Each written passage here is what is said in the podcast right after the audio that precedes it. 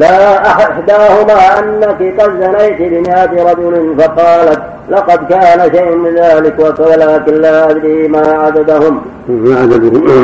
ولكن لا أدري ما عدد ما عددهم. فقال هم مئة والثاني أنك تموتين بالعنكبوت فاتخذ لها قصرا منيعا شاهقا ليحرزها من ذلك. فبينما هم يوما فإذا بالعنكبوت في السقف فأراها إياها فقالت أهذه التي تحذرها علي؟ والله لا يقتلها إلا أنا فأنزلوها من السقف فعما فعمدت إليها فوطئتها بإبهام رجلها فقتلتها فطار من سمها من سمها شيء فوقع بين ظفرها ولحمها واسودت رجلها فكان في ذلك أجلها فماتت. ونذكرها هنا قصة صاحب الحضر وهو الساطرون بارك الله سمى اللهم نعم. الله المستعان الموت لا بد منه. وما كتبه الله واضح وهذه قصة من الحكايات التي قد تكون لها قد يكون لها أصل قد يكون لا أصل لها.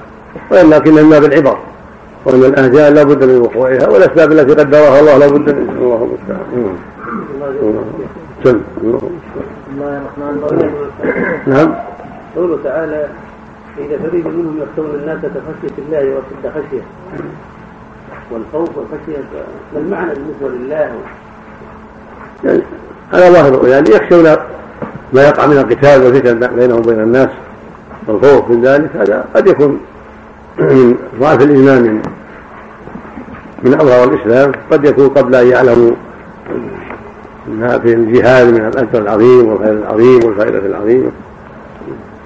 قد يكون لأسباب. نعم. نعم. نعم. لا تخشى إلا الله لا تخشى إلا الله. كيف لا تخشى إلا الله؟ في هذا في القتال يعني في الموت نعم.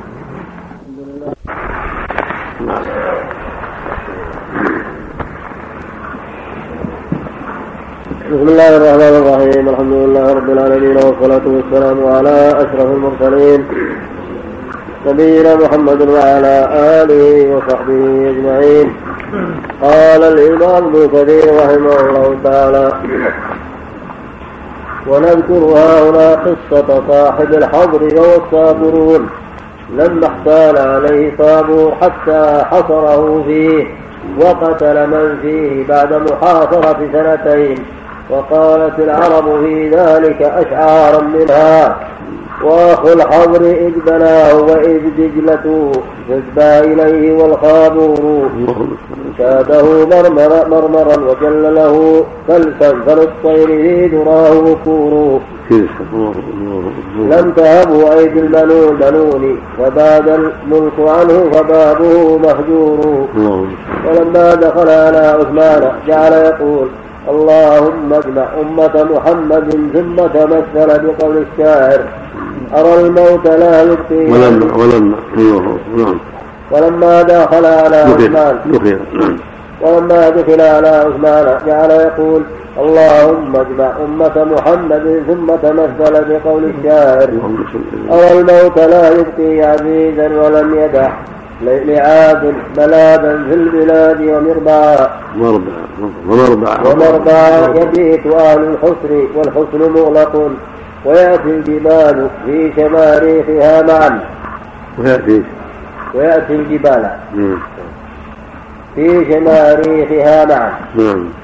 قال ابن هشام وكان كسرى سابور ذو الأكتاف قتل الساطرون ملك الحور وقال ابن هشام إن الذي قتل صاحب الحضر سابور بن ركبير. ابن أردشير. نعم. ابن بابك أول ملوك بني ساسان. نعم. وأذل ملوك الطوائف ملوك الطوائف. ورد الملك إلى الأكاسرة فأما سابور ذو الأكتاف فهو من بعد ذلك بزمن طويل. فهو من بعد ذلك. نعم. بزمن طويل. نعم والله أعلم. ذكره السهيلي. قال ابن هشام فحصرها فحصره سنتين وذلك لأنه كان غار على بلاد سابور. لأنه كان غار على بلاد سابور في غيبته وهو في العراق وأشرفت بنت الساطرون وكان اسمها النضيرة فنظرت إلى سابور وعليه ثياب ديباج. وعلى رأسه تاج من ذهب مكلل وعلى رأسه تاج من ذهب مكلل بالزبرج بالزبرجد والياقوت واللؤلؤ فدست إليه. إن تزوجتني إن فتحت لك باب الحسن. وقال نعم. فلما أمسى إن تزوجتني فتحت فتحت نعم. فتحت لك باب الحسن. نعم. فقال نعم فقال فلما فلما أمسى فاطرون شرب حتى سكر وكان لا يبيت إلا سكران. فأخذت مفاتيح باب الحصر من تحت رأسه فبعثت بها مع مولى لها ففتح الباب. ويقال دلت ويقال دلتهم على طلسم طلسم طلسم كان في الحصن لا يفتح حتى تؤخذ. حتى تؤخذ حمامة ورقاء فتخض برجال رجلاها بحيض شارية بكر. زرقاء ثم ترسل فإذا وقعت على سور الحسن سقط ذلك موتح الباب. ففعل ذلك فدخل سابور فقتل ساطرون. واستباح الحصن وخربه وسار بها معه وتزوجها فبينما هي نائمة على فراشها ليلا إذ جعلت تتمثل لا تنام. فدعا لها تتململ تتململ تتململ تتململ لا تنام. فدعا لها بالشمع ففتش فراشها فوجد فيه ورقة ورقة آسل. ورقة. ورقة آسل. فقال لها سابور هذا الذي يسهرك فما كان أبوك يصنع بك؟ قالت كان يفرش لي الديباج ويلبس ويلبس ويلبسني الحرير. ويطعمني المخ ويسقيني الخمر. قال الطبري كان يطعمني المخ والزبد وشهد أبكار النحل. النحل نعم. وشهد أبكار النحل وصفو الخمر. وذكر أنه كان يرى مخ ساقها. قال وكان جزاء أبيك. ما صنعت به؟ ما صنعت. ما صنعت به. أنت إلي بذاك أسرع. ثم أمر بها فربطت قرون رأسها بذنب فرس فركب الفرس حتى قتلها وفيه يقول عدي بن زيد وفيها وفيه يقول عدي بن زيد يقول عدي بن زيد العابدي أبياته المشهورة السائرة. أي الثالث المعير بالدهر المعير الله المعير بالدهر المعير المعير أيها الثالث المعير بالدهر أأنت المبرأ الموفور. أم أم لديك العهد الوثيق من الأيام بل أنت جاهل مغرور. من رأيت المنون خلد أم من ذا عليه من أن يضام خفير. أين كسرى كسرى الملوك؟ أبو شروان. أم أين قبله سابور؟ وبنو الأصفر الكرام ملوك الروم لم يبقى منهم مذكور. منهم لم يبقى منهم. مذكور وأخو الحضر إذ بناه وإذ دجلة تجبى إليه والخابور. زاده مرمرا وجل له كنفل الطير كلسا وللطير في ذراه وكور لم يهبه ريب المنون لم يهبه. ريب المنون ريب المنون فباد الملك عنه فبابه مهجور. وتذكر رب الخور رب الخورنق إذ شرف يوما وللهدى تذكير. سره ماله وكثرة ما يملك والبحر معرضا والسدير فرعوى قلبه وقال فما فما غبطة حي إلى الممات يصير. ثم أصبحوا كأنهم ورق جف فألوت به الصبا والدبور. ثم بعد الفلاح والملك والأمة وارتهم هناك القبور. قوله وإن هذه الدنيا ليس فيها بقاء لأحد ولا ملك دائم إنما ملك الله سبحانه وتعالى هو الدائم أما الدنيا فأهلها صائرون إلى الفناء. مهما كانت الدنيا ومهما عظمت ومهما بلغوا من الملك والقوة والقدرة والمال المآل الذهاب والزوال اللهم المستعان. العاقل يعتبر بهؤلاء الماضين وما جرى له وما جرى عليهم ويعد العدة للقاء ربه. السعادة كل السعادة في إعداد العدة للقاء الله سبحانه وتعالى. والاستقامة على أمره والبعد عن أسباب غضبه. وإلا في الدنيا مهما تزخرفت ومهما بلغت فإنما آلها إلى الزوال. نعم اللهم المستعان. اللهم وقوله وإن تصبهم حسنة أي خصب ورزق من ثمار وزروع وأولاد ونحو ذلك. هذا معنى قول ابن عباس وابي العالي والسدي يقولون هذا من عند الله. وإن تصبهم سيئة أي قحط وجدب ونقص في الثمار والزروع أو موت أولاد أو نتاج أو غير ذلك. أو نتاج. أو نتاج. أو نتاج أو غير ذلك كما يقوله أبو العالية كما يقوله أبو العالية والسدي يقولون هذه من عندك. أي من قبلك وبسبب اتباعنا لك واقتدائنا بدينك كما قال تعالى عن قوم فرعون وإذا جاءتهم الحسنة قالوا لنا هذا وإن تصبهم سيئة يطيروا بموسى ومن معه. وكما قال تعالى ومن الناس من يعبد الله على حرف. في الآية وهكذا قال هؤلاء المنافقون الذين دخلوا في الإسلام ظاهرا وهم كارهون له في نفس الأمر. ولهذا إذا أصابهم شر إنما يسندونه إلى أتباعهم إلى أتباعهم للنبي صلى الله عليه وسلم. وقال السدي وهذا من جهلهم وهذا من جهلهم وضلالهم وفساد قلوبهم. وإلا فالحسنة من الله جل وعلا هو الذي يسرها ومن بها والسيئات بقدر بقدره وقضائه وأسبابها معاصي العباد وانحرافهم وعدم قيامهم بما وجب الله عليهم. والله وعظهم بهذا ويذكرهم ليستعدوا للقائه ولهذا يقول سبحانه أينما تكونوا يدرككم ولو كنتم في بروج مشيدة وإن تصبهم حسنة يقول هذه من عند الله. وإن تصبهم سيئة يقول هذه من عندك. قل كل من عند الله. فهي من عنده سبحانه خلقا وإيجادا وقدرا سابقا. لكن الحسنات يثابون عليها لأن فعلهم وإخلاصهم والسيئات يجازون عليها لأن فعلهم أيضا وانحرافهم وكل شيء بقضائه وقدره سبحانه وتعالى. قل كل من عند الله فما لهؤلاء قوم لا يكادون يفقهون حديثا. فما أصاب العبد من نعمة وخصب ورخاء وصحة وعافية وأولاد فمن فضل الله سبحانه ومن إحسانه وجوده وكرمه وقد سبق بهذا قدره السابق. وما أصاب الناس من نقص ومصائب وجد وقحط وتصديق أعداء وغير ذلك. فأسباب ذلك معاصيهم وسيئاتهم ومخالفاتهم وكل من عند الله قضاء وقدرا سبحانه وتعالى. نعم. ولهذا قال الله عز وجل نفسك يعني بسبب أعمالك وإن كان مضى بهذا علم الله وقدره سبحانه وتعالى. فلا منافاة. وكل من عند الله قدرا وقدر وقضاء سبحانه وتعالى. وما كان من السيئات التي يفعلها العبد فهي منسوبة إليه ويستحق جزاءها إذا كانت معاصي. أما ما يكون من الجد والقحط والنعم والخيرات هذا كله من عند الله سبحانه وتعالى. قضاء وقدرا فالجدب من جملة المصائب كالفقر والمرض ونحو ذلك لله فيه حكم عظيمة سبحانه وتعالى. وما كان من النعم والخيرات التي هي الحسنات كالمطر والصحة والملك ونحو ذلك فكله لحكمة بالغة وكله بقضائه وقدره فإن الحسنات تطلق على النعم وتطلق على الأعمال الصالحات والسيئات تطلق على الشرور والمصائب وتطلق على الأعمال السيئة. نعم.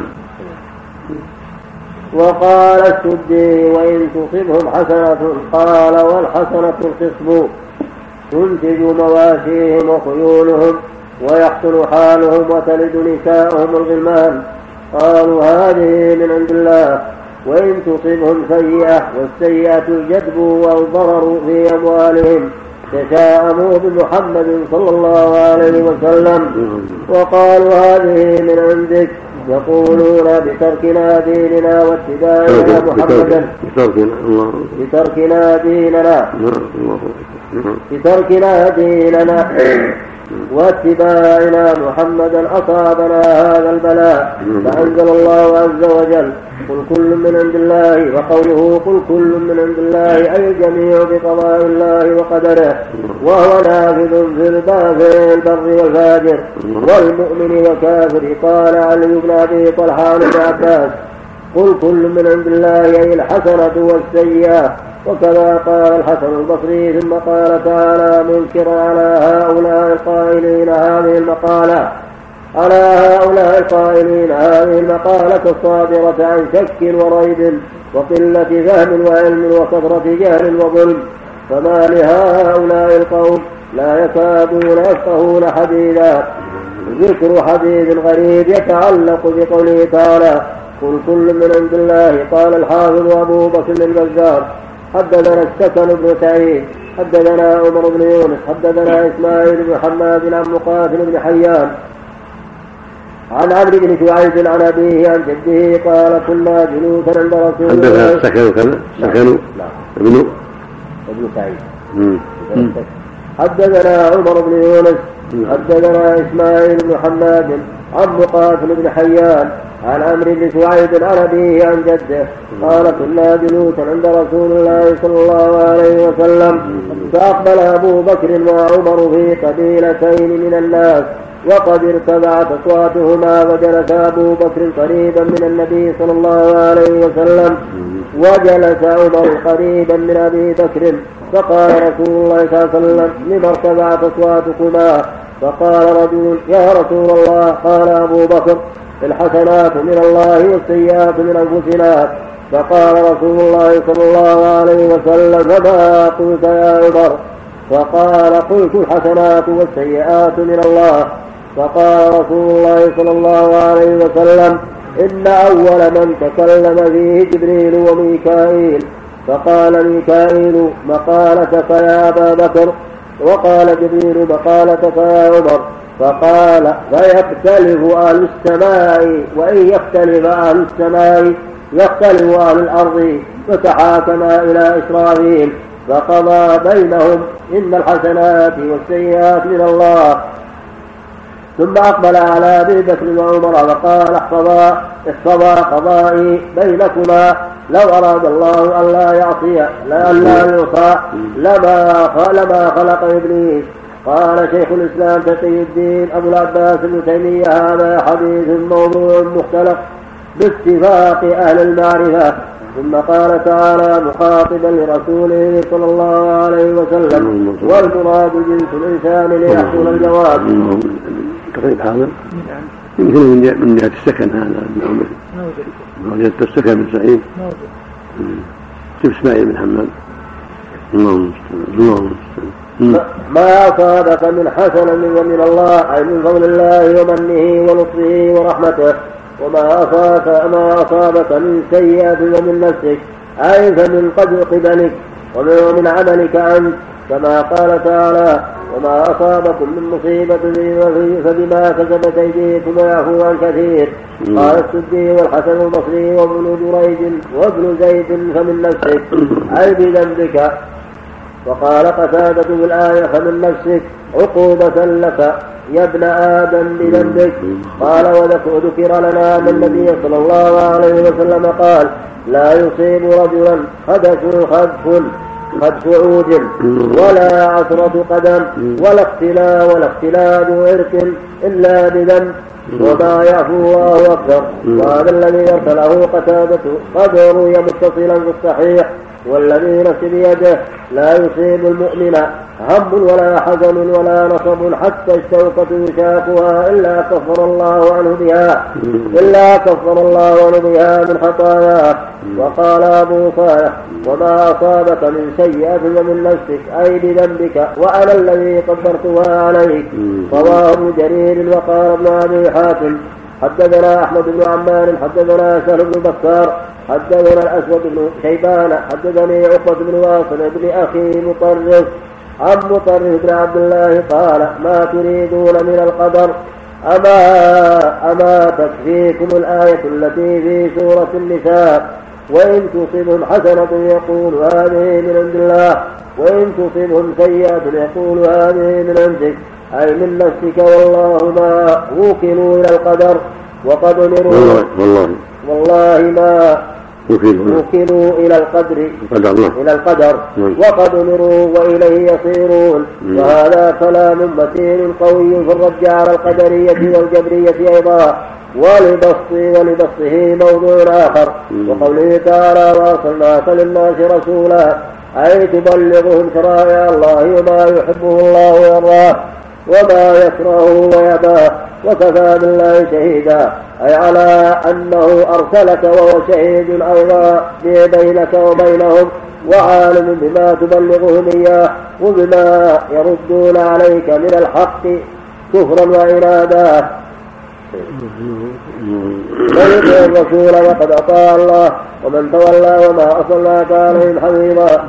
وهذا كله لا لا منافاة فيه بين الآيتين. الله جل وعلا قال كل قل كل من عند الله. يعني ما يقوى من الحسنات والسيئات كله من عند الله بقضائه وقدره وحكمته البالغة سبحانه وتعالى. وقال في الآية الأخرى وما اصاب شيء من نفسك يعني من جهة نفسك ما من جهة ما تعمل من ذنوب وتقصير وترك واجب ونحو ذلك فيبتلى الإنسان في بدنه وفي ماله وفي غير ذلك بأسباب تقصيره. وهذا ما الآية الكريمة الأخرى وما أصابكم من مصيبة فبما كتب يديكم ويعفو كثير. فالإنسان مأمور بطاعة الله وكف عن محارم الله والقيام على حدود الله ومرده إلى القدر فقدر نافذ في الجميع ولكن على العبد أن يجتهد في طاعة ربه ويبتعد عن مساخطه وعليه أن يقف عند حدود الله فما أصابه من خير ونعمة وفضل وحسنات وأعمال صالحات وما وفق له من سائر الخير ومن فضل الله وإحسانه إليه. وقد مضى به قدره السابق أيضا. وما حصل عليه من نكبة وفقر وغير ذلك فمن فأسبابه أعماله وأسبابه ما يقدمه من معاصي وسيئات وما يقصر فيه من طاعات واجبة إلى غير ذلك. والقدر ماضي في الجميع وسابق بالجميع من الله سبحانه وتعالى. وما يعفو الله عن العباد وما يتجاوز عنه سبحانه أكثر وأعظم. ولهذا قال جل وعلا ويعفو عن كثير. فيجب على المؤمن أن يكون عليما بهذا الأمر مؤمنا به وأن يلوم نفسه ويجتهد في إصلاحها عند التقصير ويبادر بالتوبة ويحسن ظنه بربه عز وجل كما عليه أن يجتهد في أداء الواجب والبعد عما حرم الله والاستكثار من الحسنات حتى يفوز بما وعد الله به المحسنين. وحتى يفوز أيضا بتكفير السيئات التي قد يبتلى بها فإذا رجع إلى الله وأناب إليه واستكثر من طاعته عفى عنه سبحانه وكفر سيئاته. نعم. نعم. إسماعيل بن حماد بن أبي سليمان الأشعري. مولاهم الكوفي صدوق من الثامنة. أبو داود والترمذي والنسائي. إسماعيل بن حماد بن أبي حنيفة الكوفي القاضي. حفيد الإمام تكلموا فيه. من التاسعة مات في خلافة المأمون. تمييز. تمييز. إي نعم. وذاك علامتك ابن ابي سليمان الاشعري داود والترمذي والنسائي. في الثالث؟ ما في إلا هذول. نعم. اللهم صل بسم الله الرحمن الرحيم. الحمد لله رب العالمين والصلاة والسلام على أشرف المرسلين نبينا محمد وعلى آله وصحبه أجمعين. قال الإمام ابن كثير رحمه الله تعالى في تفسير قوله تعالى من يطع الرسول فقد أطاع الله من تولى فما أرسلناك عليهم حفيظا. ويقولون طاعة فإذا برزوا من عندك بيت طائفة منهم الذي تقول والله يكتب ما يبيتون فأعرض عنهم وتوكل على الله وكفى بالله وكيلا. يخبر تعالى عن عبده ورسوله محمد صلى الله عليه وسلم بأن من أطاعه فقد أطاع الله. ومن عصاه فقد عصى الله وما ذلك وما ذلك إلا لأنه ما ينطق عن الهوى إن هو إلا وحي يوحى. قال ابن أبي حاتم حدثنا أحمد بن سنان حدثنا أبو معاوية عن الأعمش عن أبي صالح عن أبي هريرة قال قال رسول الله صلى الله عليه وسلم من أطاعني فقد أطاع الله ومن عصاني فقد عصى الله ومن أطاع الأمير فقد أطاعني ومن عصى الأمير فقد عصاني.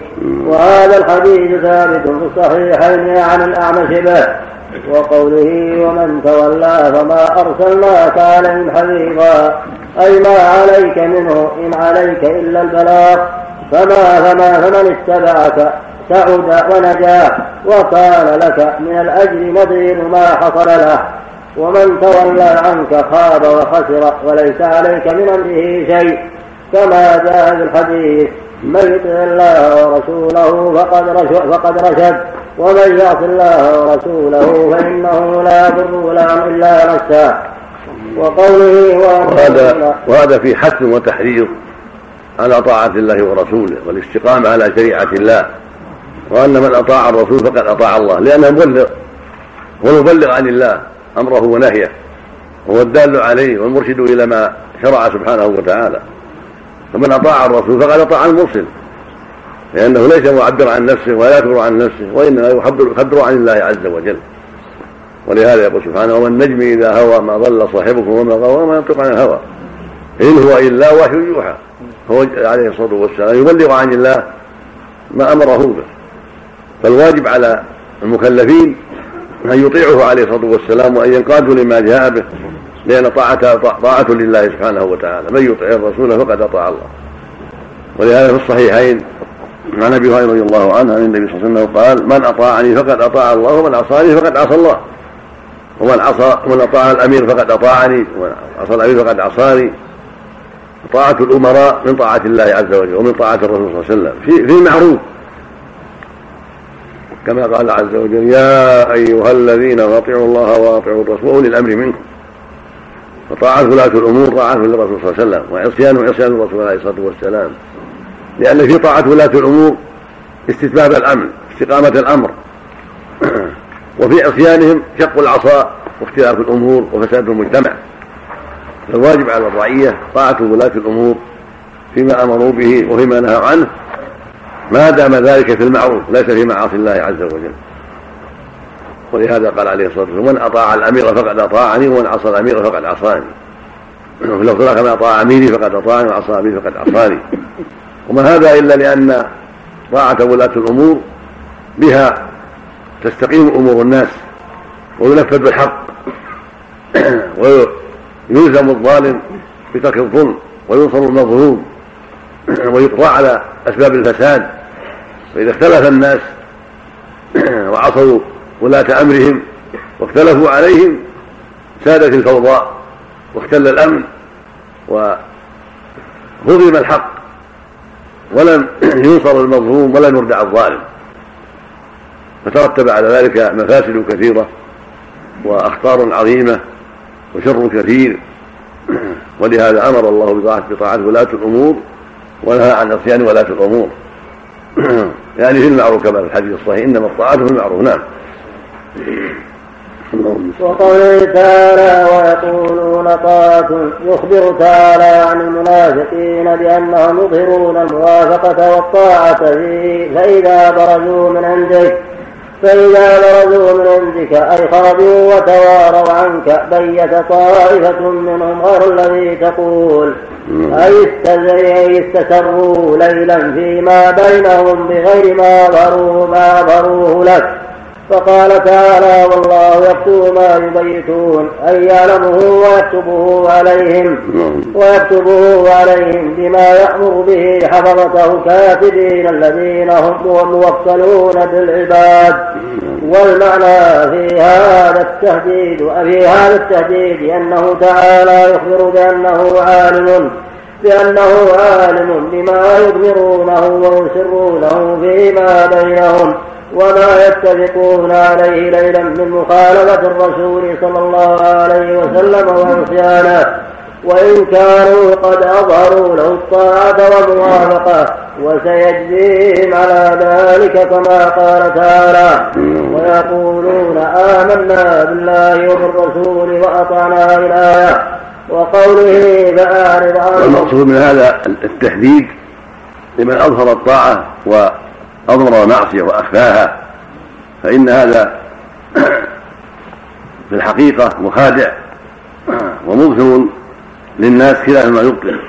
ولو أتى الأمر على وجهه لكان أسهل لكنه لما أظهر خلاف ما يبطل صار شره أكثر صار فساده أعظم. وهذه سجية المنافقين وأحوالهم لهم ظاهر غير الباطن فلهذا غضب الله عليهم وأعد لهم جهنم وساءت مصيرا. وتوعدهم بالدرك الأسفل من النار. وفي هذا وعيد لغيرهم أيضا ممن يتساهل ويكفي المعاصي ويظهر للناس النسك والعبادة فإنه قد شابه على النفاق في هذه الحال فليحذر. ولهذا قال ويقول طاعة. يعني يقولون طاعة منا لك يا رسول الله أو هي طاعة منا لك يا رسول الله فإذا برزوا من عندك يعني خرجوا صاروا إلى أهاليهم وإلى قراهم وإلى قبائلهم وإلى شياطينهم بيتوا خلاف ذلك. وأضمروا من الباطل والعصيان والمخالفة والفساد في الأرض ما لا يعلمه إلا الله سبحانه وتعالى. والله يتوعدهم أنه يعلم ما أضمروا ويعلم ما أسروا وما كتموا. وذلك ليس بخاف عليه سبحانه وتعالى فليترقبوا جزاء ذلك. وليعلموا أنهم بالمرصاد إن الله لهم بالمرصاد وأنهم لن يفوتوا الله عز وجل. ولا شك أن هذا ليس خاصا بالمنافقين بل هو يعم أيضا من فعل فعلهم وشابههم في أعمالهم السيئة التي يظهرونها ضد المؤمنين. فهكذا من شابههم في إضمار الشر المؤمنين والعدوان عليهم فالله له بالمرصاد إذا تعدى الحدود وخالف الأوامر بأغراضه وأهوائه. نسأل الله السلامة. نعم. وقوله تعالى فأعرض عنهم أي اصفح عنهم واحلم عليهم. ولا تؤاخذهم ولا تكشف أمورهم للناس. ولا تخف منهم أيضا وتوكل على الله وكفى بالله وكيلا. أي كفى به وليا وناصرا ومعينا لمن توكل عليه وأناب إليه. أفلا يتدبرون القرآن ولو كان من عند غير الله لوجدوا فيه اختلافا كثيرا وإذا جاءهم أمر من الأمن أو الخوف أذاعوا به ولو ردوه إلى الرسول وإلى أولي الأمر منهم وإلى أولي الأمر منهم. وهذا هذه الآية تعرض عنهم محمول على أحد حالين إحدى إحدى حالين إما حالة قبل أن يؤمر بالجهاد. فإن كان مأمورا بالإعراض عن الكفرة وما أظهروا والتأليف والحلم والصفح لئلا تكبر دائرة القتال بينهم والفتنة. والمسلمون ليس عندهم الاستعداد للقتال والقوة على ذلك. ولهذا أمر الرسول صلى الله عليه وسلم بالإعراض عن الكفرة في مكة وفي أول الإسلام وفي أول الهجرة أيضا ثم أمر بالجهاد والقتال بعد ذلك. والحال الثاني يكون ذلك في من لم يظهر منهم النفاق بل يظهر منهم أماراته ويعلم عليه وسلم امارات ولكنهم لم لم يعلنوا نفاقهم ولم يثروه فأمر صلى الله عليه أن يعفو ويصفح عما ظهر له منهم وعما علمه من أحوالهم لعدم ظهوره بين الناس. ولئلا يقال أن محمد يقتل أصحابه ويتحدث الناس أن محمد يقتل أصحابه فلهذا أعرض عن كثير من المنافقين وما يظهر منهم من امارات النفاق وعلامات النفاق. حذرا من الفتنة ومن تفريق الصف ومن تحدث الناس أن محمد يقتل أصحابه. فلهذا أعرض عليه الصلاة والسلام وصبر حتى شرع الله الجهاد وحتى ظهر من أمر المنافقين ما ظهر فمن أظهر النفاق استحق ما يجب يجب لمثله ومن كتمه وأخفاه بينه وبين الله فالله ولي حسابه سبحانه وتعالى. وإذا جاءهم أمر من الأمن أو الخوف أذاعوا به ولو ردوه إلى الرسول وإلى أولي الأمر منهم لعلمه الذين يستنبطونه منهم. ولولا فضل الله عليكم ورحمته لاتبعتم الشيطان إلا قليلا. يقول تعالى آمرا لهم بتدبر القرآن وناهيا لهم عن الإعراض عنه. وعن تفهم معانيه المحكمة وألفاظه البليغة ومخبرا لهم أنه لا اختلاف فيه ولا اضطراب ولا تعارض لأنه تنزيل من حكيم حميد فهو حق من حق ولهذا قال تعالى أفلا تدبرون القرآن أم على قلوب أقفالها؟ ثم قال تعالى ولو كان من عند غير الله أي لو كان مفتعلا مختلقا كما يقوله من يقول من جهلة المشركين والمنافقين في بواطنهم. لوجدوا فيه اختلافا أي اضطرابا وتضادا كثيرا أي وهذا سالم من الاختلاف فهو من عند الله كما قال تعالى مخبرا عن الراسخين في العلم حيث قالوا آمنا به كل من عند ربنا أي محكمه ومتشابهه حق فلهذا رد المتشابه إلى المحكم فاهتدوا والذين في قلوبهم زيغ ردوا المحكم إلى المتشابه فغووا ولهذا مدح تعالى الراسخين وذم الزائرين قال الإمام أحمد حدثنا أنس بن عياض حدثنا أبو معاوية حدثنا أبو حازم حدثنا عمرو بن شعيب عن أبيه عن جدي قال لقد جالست أنا وأخي مجلسا ما أحب ان لي به حمر النعم أقبلت أنا وأخي وإذا مشيخه من أصحاب رسول الله صلى الله عليه وسلم على باب من أبوابه فكرهنا أن نفرق بينهم فجلسنا حجة إذ ذكروا آية من القرآن. فتماروا فيها حتى ارتفعت أصواته أصواتهم. فخرج رسول الله صلى الله عليه وسلم مغضبا حتى احمر وجهه حتى احمر وجهه يرميهم بالتراب ويقول مهلا يا قوم بهذا أهلكت الأمم من قبلكم باختلافهم على أنبيائهم وضربهم الكتب بينهم ببعض. إذ وضربهم نعم. الكتب بعضها ببعض. بعضها. بعضها ببعض. ووضع الكتب بعضها ببعض إن القرآن لم ينزل يكذب بعضه بعضا. إنما نزل يصدق بعضه بعضا. فما عرفتم منه فاعملوا به. وما جهلتم منه فردوه إلى عالمه. وهكذا رواه وهكذا رواه أيضا عن أبي معاوية عن داود بن أبي هند عن عمرو بن شعيب عن أبيه عن جده. قال خرج رسول الله صلى الله عليه وسلم ذات يوم والناس يتكلمون في القدر فكأنما يفقأ في وجهه حب الرماء الرمان من الغضب. فقال لهم ما لكم تضربون كتاب الله بعضه ببعض بهذا هلك من كان قبلكم. قال فما غبطت نفسي بمجلس. فما غضبت نفسي بمجلس فيه رسول الله صلى الله عليه وسلم ولم أشهدت ولم أشهده ما غبطت نفسي بذلك المجلس. ما غبطت نفسي. غبطت ما غبطت. ما غبطت نفسي بذلك المجلس. إني لم أشهده. ورواه ابن ماجة من حديث داود بن أبي هند به نحوه. والمعنى أنه مسرور بهذا المجلس أي سمع من هذا هذا كلام النبي صلى الله عليه وسلم. وهو الحث على العناية بالقرآن والإقبال عليه وأن يصدق بعضه بعضا وأن لا يتنازعوا فيه. وأن الواجب على أهل العلم يفسروا كتاب الله بعضه البعض وأن يصدقوا بعضه ببعض. فما أشكى في موضع فسره الموضع الآخر من القصص والأحكام وغير ذلك. وما اشتبه في موضع دل عليه موضع آخر محكم واضح. فالمشتبهات ترد إلى المحكمات فيزول الإشكال. أما الاضطراب والاختلاف والتماري والجدال هذا يضرهم ويضر غيرهم. فلهذا نهاهم عن هذا عليه الصلاة والسلام وأمرهم أن يعملوا بما عرفوا وأن يكلوا ما جهلوا إلى عالم سبحانه وتعالى حتى يفتح الله عليهم. وأن يدعوا النزاع والجدال والمراء الذي قد يسبب الوحشة والبغضاء والاختلاف والنزاع. وهذا أمر واقع.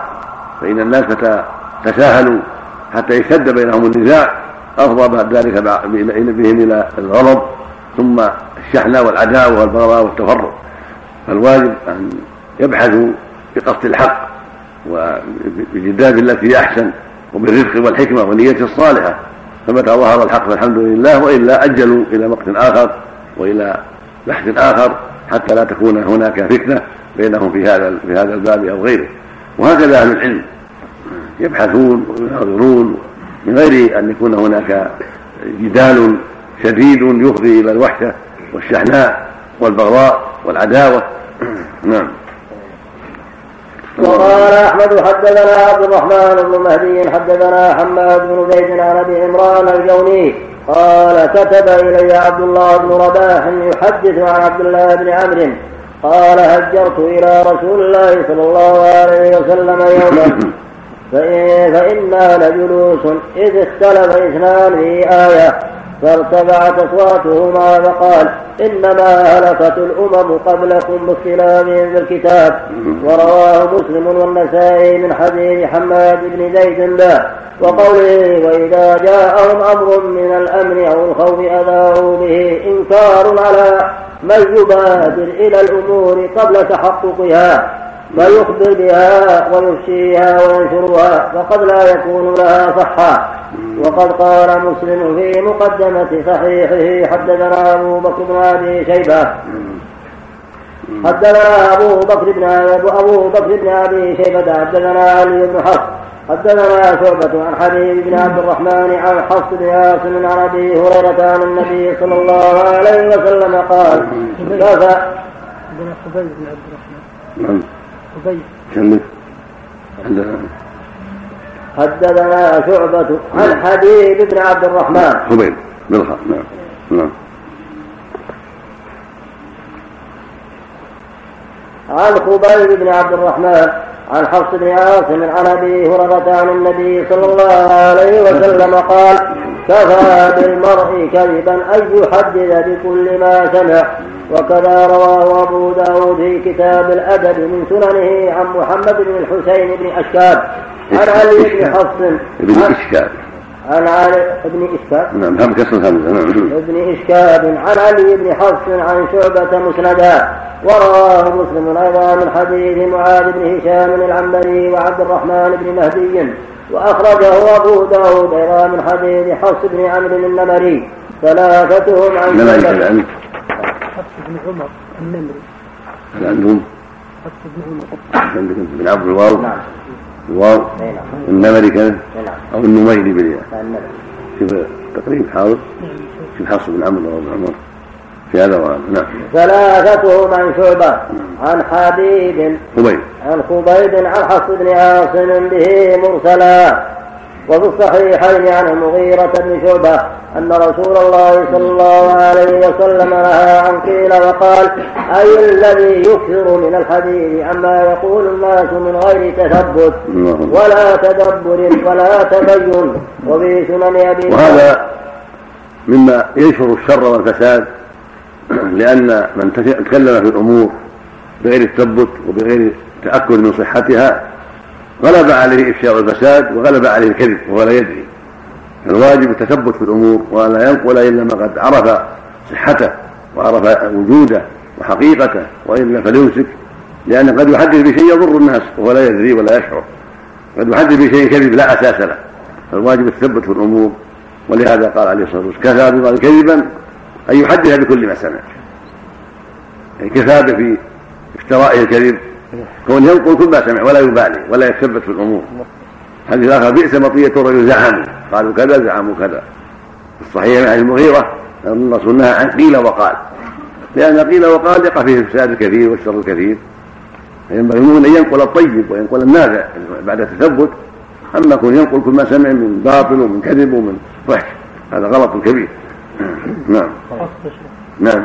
حفص بن عمر بن الحارث بن سخبرة فتح المهملة وسكون الخاء المعجمة وفتح الموحدة الأزدي النمري وفتح النون والميم أبو عمر. النمري نسبة إلى نمر. النمري فتح النون والميم أبو عمر الحوضي وهو بها أشهر. ثقة ثبت عيبة يأخذ الأجرة على الحديث. من كبار العاشرة مات سنة 25 البخاري وأبو داود والنسائي.